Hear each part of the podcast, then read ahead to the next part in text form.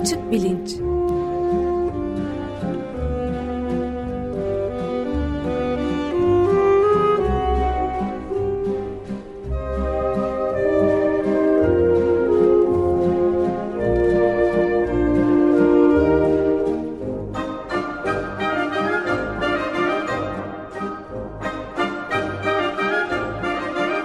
Güven Güzeldere ile bilim ve felsefe sohbetleri. Günaydın Güven Bey, merhabalar. Günaydın Ömer Bey. Günaydın. Günaydın Özdeş. Bugün konuğumuz yok herhalde. Bugün konuğumuz yok. Ee, kadın hakları üzerine yaptığımız seriyi bitirdik. Yeni bir seriye başlıyoruz. Ee, şimdi tabii ben çocukken bir gece ansızın gelebilirim diye bir şarkı vardı. Çok meşhurdu. Ee, Cuma geceleri Cumhurbaşkanlığı kararnameleri geliyor. Üst üste bir sürü haber geldi filan. Pek çok şey birikti ama biz onlardan uzak bambaşka bir gündemde bir e, konuya bugün başlıyoruz. Lezzet. Lezzetin felsefesi, bilimi ve sanatı. Üç açıdan da ele almaya çalışacağız aslında lezzet üstüne, koku, tad üstüne bir seri yapmıştık. İşte nörogastronomiden bahsetmiştik, e, kokulardan bahsetmiştik, tadlardan bahsetmiştik filan. Onun bir uzantısı gibi de görülebilir. Ben bugün biraz işin felsefi çerçevesini çizmeye çalışacağım. Ardından da iki programda bilimsel açıdan işi e, daha önce de konuğumuz olmuş olan genetikçi, antropolog e, Ömer Gökçümen açıklayacak. Kendi çalışmaları da zaten buna dair e, şeyler söylüyor. E, ardından da gastronomi yazarı, yemek eleştirmeni Vedat Milor e, konuğumuz olacak. E, bu, bu seriyi de böyle tamamlayacağız. Şimdi ben felsefe e, çerçevesini şöyle çizeyim. E, benim e, sevdiğim bir eniştem vardı. Şimdi rahmetli oldu ama ben böyle özlü sözler söylemeye meraklı bir kişiydi. Çocukken benim aklımda kalmış olan en çok söylediği sözlerden bir tanesi renkler ve zevkler tartışılmaz cümlesiydi. Evet. Ben de bir çocuk olarak bunu merak ederdim. Yani şimdi bu ne demek acaba? Ne tartışılır ya da renkler ve zevklerin yanında tartışılmayacak başka Siz ne var? Siz de cümleyi tartışırdınız anlaşılan. E, e, biraz öyle. Bir de yani şimdi renkler ve zevkler tartışılmaz cümlesi aslında renklere ve zevklere dair bir tartışmanın ilk cümlesi gibi de görülebilir. Öyle bir paradoksal bir şey de var. Ama çekindiğinden bunları da pek soramazdım ama aklımda kalmış yani. Bugün bugündür. E, şimdi renkler ve zevkler veya tadlar ve kokular e, dünyadaki başka bazı fiziksel özelliklere göre daha farklı gibi gözüküyor ve burada nesnellik, öznellik üzerine e, işte süre gelen bir tartışma var. Felsefe tarihinde de var, bilimde de var. İşin pratik yanında da, gastronomi yazarlığında da bence var. E, ben burada e, iki kutup görüyorum. Yani şu denilebilir, e, renklerde, zevklerde, tatlarda, kokularda e, tamamen nesneldir. E, dolayısıyla bu konuda işte nesnellik üzerinden tartışmalar yapabiliriz. Herkesin kabul etmesi gereken doğrulara varabiliriz. Ee, bir ucu bu olsun yelpazenin. Diğer ucu da mutlak öznellik olsun. Yani e, işte hani bir şeyin ağırlığını falan öğrenmek istiyorsak onu tartıyoruz. İşte o konuda bir tartışma e, belki e, o anlamda yapsak bile bir sonuca varmamız mümkün. Nesnel bir sonuca ama kokular, tatlar bunları beğenip beğenmeme konusunda böyle bir tartışma yersiz. Çünkü işte herkes kendi keyfinin kahyası. Ben beğeniyorum, siz beğenmiyorsunuz. İşte konu orada kapanır. E, renkler ve zevkler tartışılmaz. Öznellik pozisyonunda biraz böyle bir pozisyon. Ben bu ikisinin ortasında bir yer olması gerektiği kanaatindeyim. Yani mutlak nesnellik de bana doğru gelmiyor, mutlak öznellik de doğru gelmiyor. Biraz bunu anlatmak istiyorum. Felsefe tarihinde de 17. 18. yüzyıllarda yaklaşık 200 yıl boyunca bu çok tartışılmış bir konu. Ee, birincil, ikincil özellikler diye bir ayrım var. Ee, yaklaşık olarak şöyle diyeyim, yani bu da çok tartışmalı bir konu. Şimdi bunun detayını anlatmak da bir programa sığacak bir şey değil ama e, insan zihninden bağımsız özelliklere e, bir yana koyalım. İnsan zihnine bağımlı ya da belli bir zihne göreli olan özellikleri de öbür tarafa koyalım. e, işte yani ben şimdi mesela bir kağıdın üstüne bir üçgen çizdim. Diyorum ki bakın burada bir bu bir dik üçgendir. Bu bir dik üçgen mi değil mi konusu işte yani Ömer Bey mesela bu bence bir dik üçgen değil diyerek bu konuyu kapatamaz. E, çünkü işte pergeli elimize gönyeyi neyse alıp ölçeceğiz dik üçgen olması için e, bir açısının 90 derece olması lazım. İki kenarının birbirine dik inmesi lazım. Öyle olup olmadığını hep beraberce karara bağlayabiliriz. Bu anlamda bir nesnellik var ve o üçgeni algılayan birisi olsun olmasın zihinden bağımsız olarak o üçgen ya dik üçgendir ya dik üçgen değildir. Bu, bunu bir nesnel e, bu anlamda bir birincil özellik gibi alalım ama tatlar kokular pek öyle değil. Yani şimdi limon ekşi midir mesela? Evet ekşidir. Yani e, hemen hepimiz limon suyu içersek işte yüzümüzü buruştururuz, içemeyiz. Midemiz yanar, ağzımız ekşir filan. Bu ama e, bir iç bir üçgenin işte bir, bir açısının dik olması 90 derece olması tarzında bir nesnel özellik midir e, sorusunu sorarsak orada e, iş daha karışıyor. Nasıl karışıyor? Mesela bunu ta 1965'te bir e, felsefeci e, American Philosophical Quarterly diye bir dergide Jonathan Bennett isimli benim de e, beğendiğim bir felsefecidir. Bir yazı yazıyor. Orada fenol argümanı diye bir argümanla e, bu konuyu dile getiriyor. E, fenol tiokarbamid ya da fenol tiourea diye bilinen bir molekül var. Bunu 1930'lu yıllarda DuPont şirketinde çalışan bir kimyacı e, fark ediyor ki bu molekül bazı insanlara işte bu molekülü mesela suya karıştırdınız, içirdiniz, bir zararı yok. Ama bazı insanlar bunu çok acı bir tat olarak algılıyorlar. Fenolü, kısaca fenol diyelim buna. E, bazı insanlar ise hiçbir tat alamıyor. Tatsız bu diyorlar. Yani, yani düz su içtiklerini düşünüyorlar ve yaklaşık dünyada yüzde yetmişi e, insanların e, acı olduğunu düşünürken fenolün yüzde otuzu fenolün bir tadı olmadığını düşünüyor. Şimdi Jonathan Bennett diyor ki e, fenolün tadı var mı ya da acı mı? Bu nesnel bir doğru mudur? Bunu bağlayabilir miyiz bir karara? E, şimdi limon ekşi midir dediğimiz zaman limon hepimize ekşi geldiği için evet ekşidir ve o bir nesnel özelliktir diyebiliyoruz ama bunun aslında doğru olmadığını yani bunu limon için de söyleyemeyeceğimizi e, gösteriyor Bennett. Çünkü işte fenolü ek, acı bulanlar var, acı bulmayanlar var. Bunun altında da insanlar arasındaki bir genetik fark e, yatıyor. Şimdi acı bulmayanlar yani tatsız bulanlar fenolü nasıl bir genetik mutasyona uğradılarsa diyelim nüfusun kalanı da o aynı mutasyona uğrasa bir süre sonra fenol molekülünde hiçbir değişiklik olmadığı halde fenol tatsızdır demeye başlayacağız. Yani diyelim yüzde yüzü insanlar tatsız buluyor. E aynı şekilde şey de düşünebilir yani e, limonu ekşi bulanlar bir genetik mutasyon sonucunda ekşi değil de tatlı bulmaya başlasalar bir süre sonra e, limon eskiden ekşiydi şimdi tatlı mı diyeceğiz? Yani demek ki limondan bağımsız bir şey var. Burada bir ilişkisel bir durum var. E, bir zihne ya da algılayana ya da duyumsayan bir canlıya göreli olarak bu yargılara varmamız gerekiyor. Nitekim bir başka örnek vereyim. Benim özellikle ilginç bulduğum bir şey Batı Afrika e, kökenli bir küçük e, meyve var. E, böğürtlene benzer. Böyle kızılca falan benziyor. Böyle küçük kırmızı bir e, böğürtlen türü diyelim. Adı Sinsepalum dulcifium, dulcificum e, pardon. E, bu e, meyveyi yerseniz sizin e, dilinizdeki bir takım reseptörleri bloke ediyor. Ekşi algılamanızı sağlayan reseptörleri.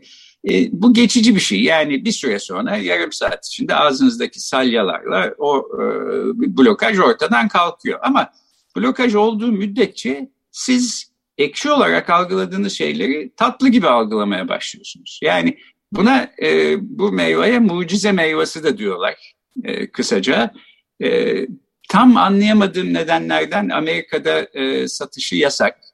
E, işte el altından insanlar e, birbirine getiriyor. Bazen böyle mucize meyve partileri yapılıyor filan. Çünkü sahiden bunu yedikten sonra siz işte limonu sıkıyorsunuz, içiyorsunuz. Şerbet gibi geliyor. Yani çok tatlı. Aa falan diyorsunuz. Ortada bir sahtekarlık da yok.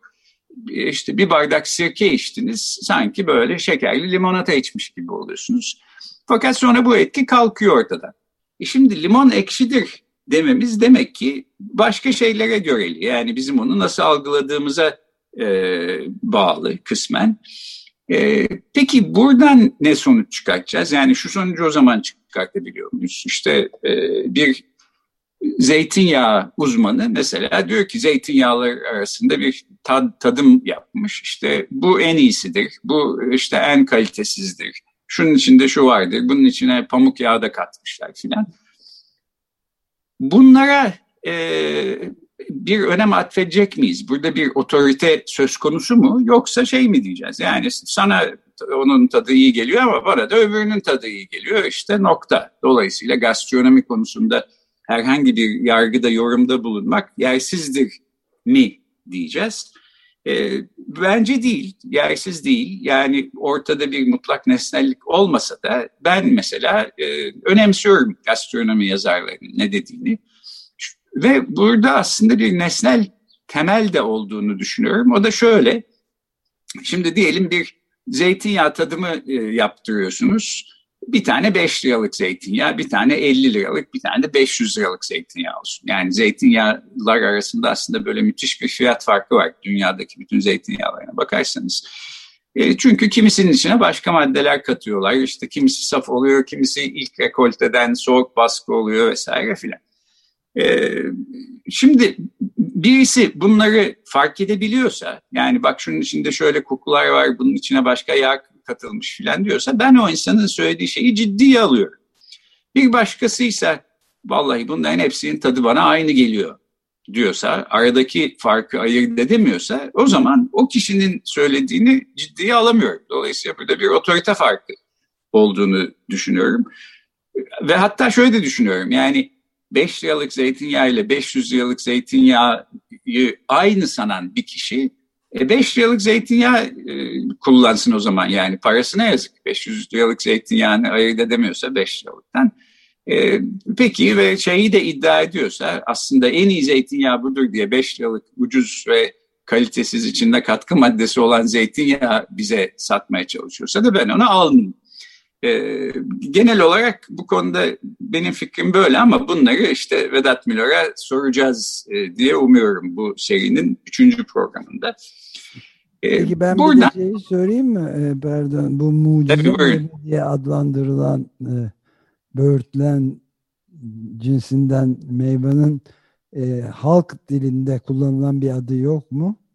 Böğürtlen gibi bildiğim kadarıyla yok. Yani e, işte şey mucize meyve ya da mucize böğürtlen diye geçiyor. İngilizce'de en azından öyle geçiyor.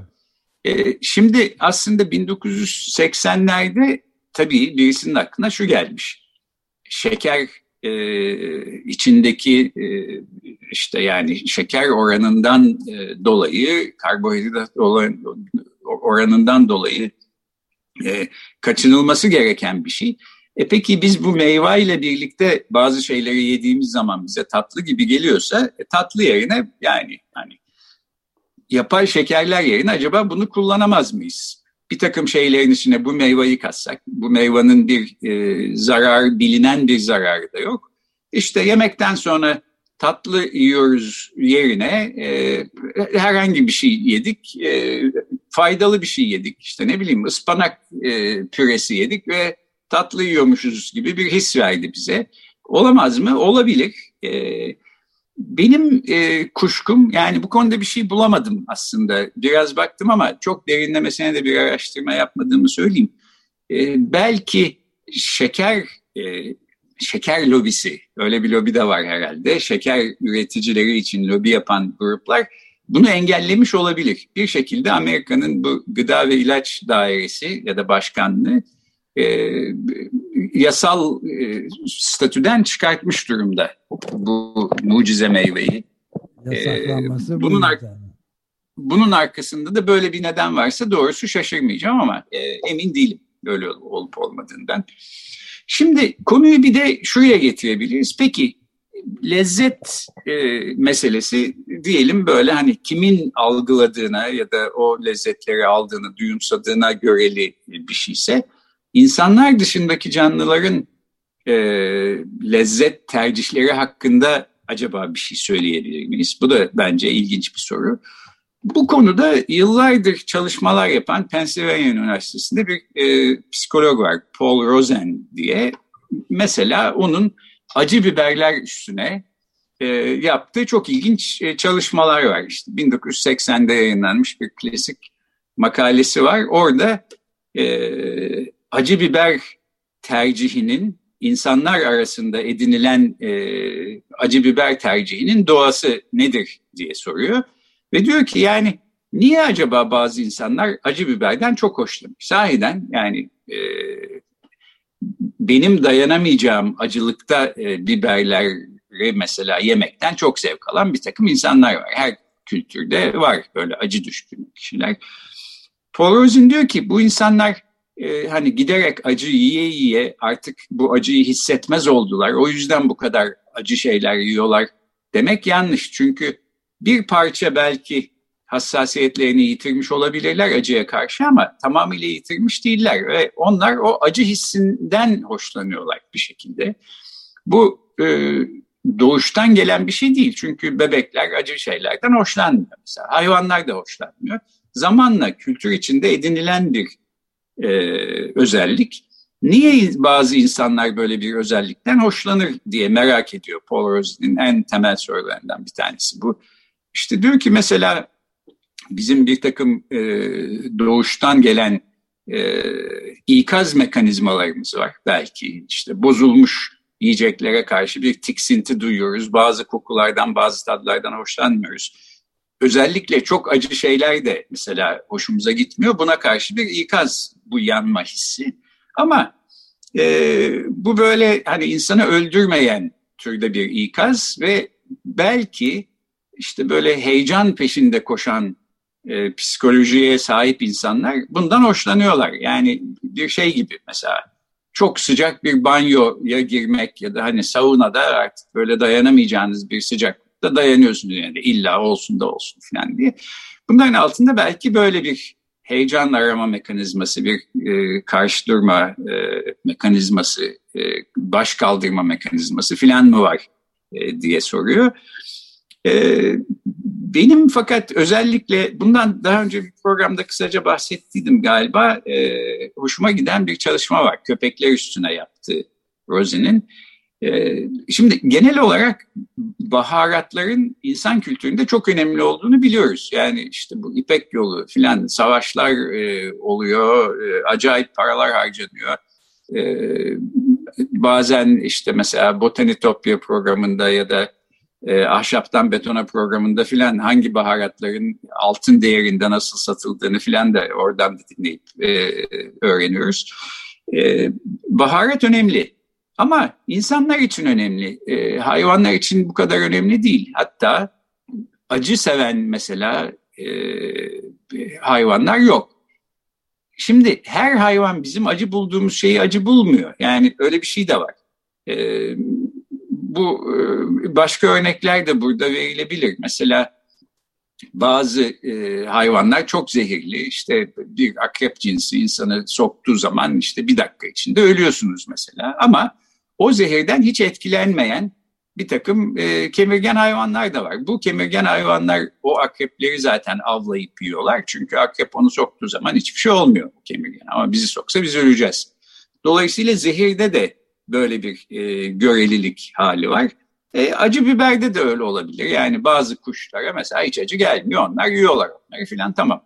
Onu demiyorum. Acı gelen e, yani işte pek çok memeli hayvana, köpeklere, kedilere, maymunlara, primatlara bize nasıl acı geliyorsa acı biber onlara da acı geliyor tabii.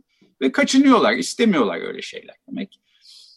Tamam yani insan yavruları da istemiyor bunu ama zamanla biz bunu ediniyoruz bu alışkanlığı e, ve giderek sever hale geliyoruz. E belki köpekler de mesela küçükten beri e, yavruluklarından beri acı yemeklerle beslenseler belki onlar da acıyı tercih eder hale gelecekler.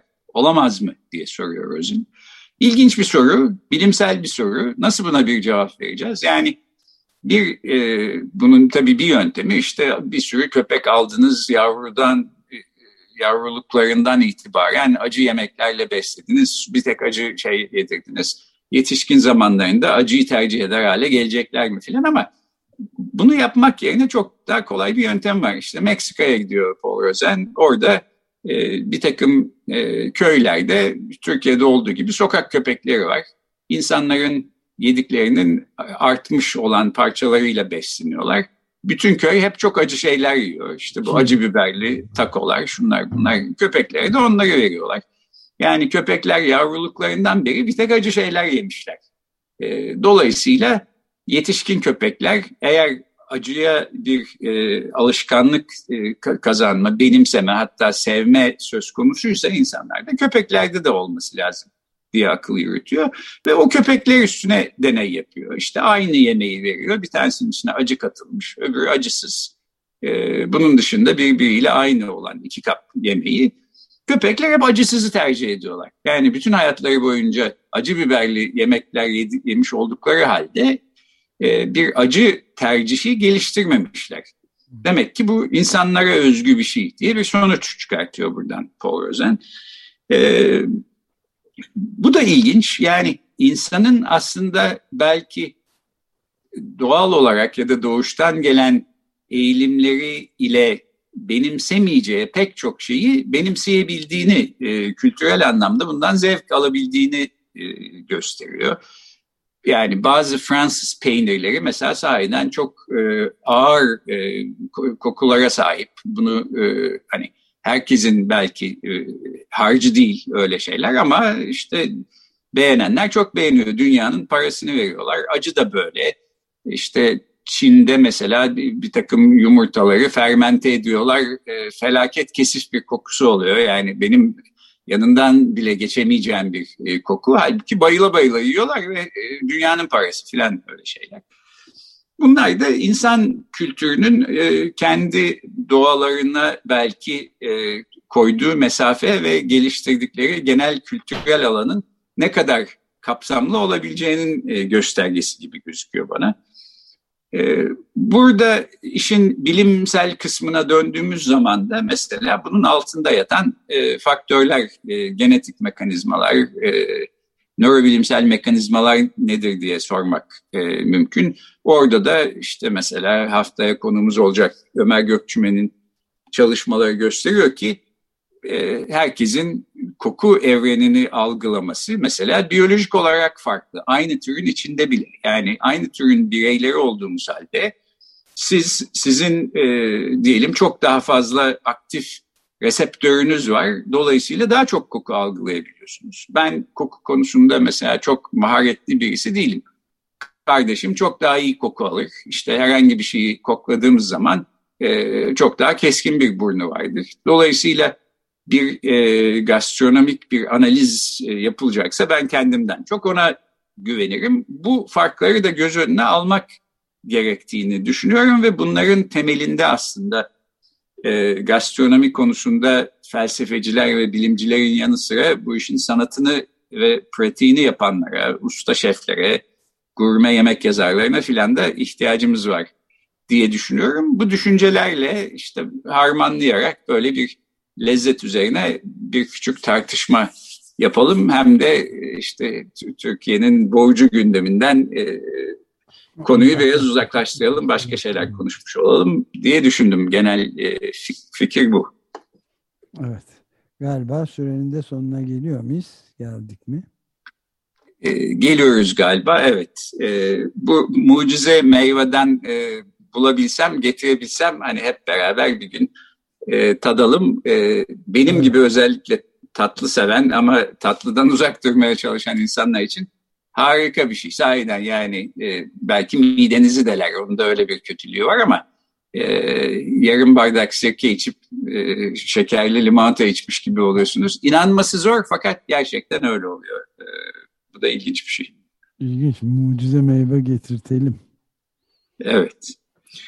E, bu minvalüze devam edeceğiz önümüzdeki iki hafta. Peki çok teşekkür ederiz.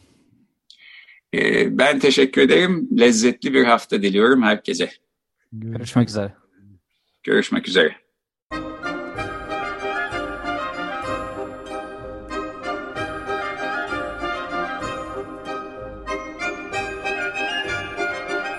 Açık Bilinç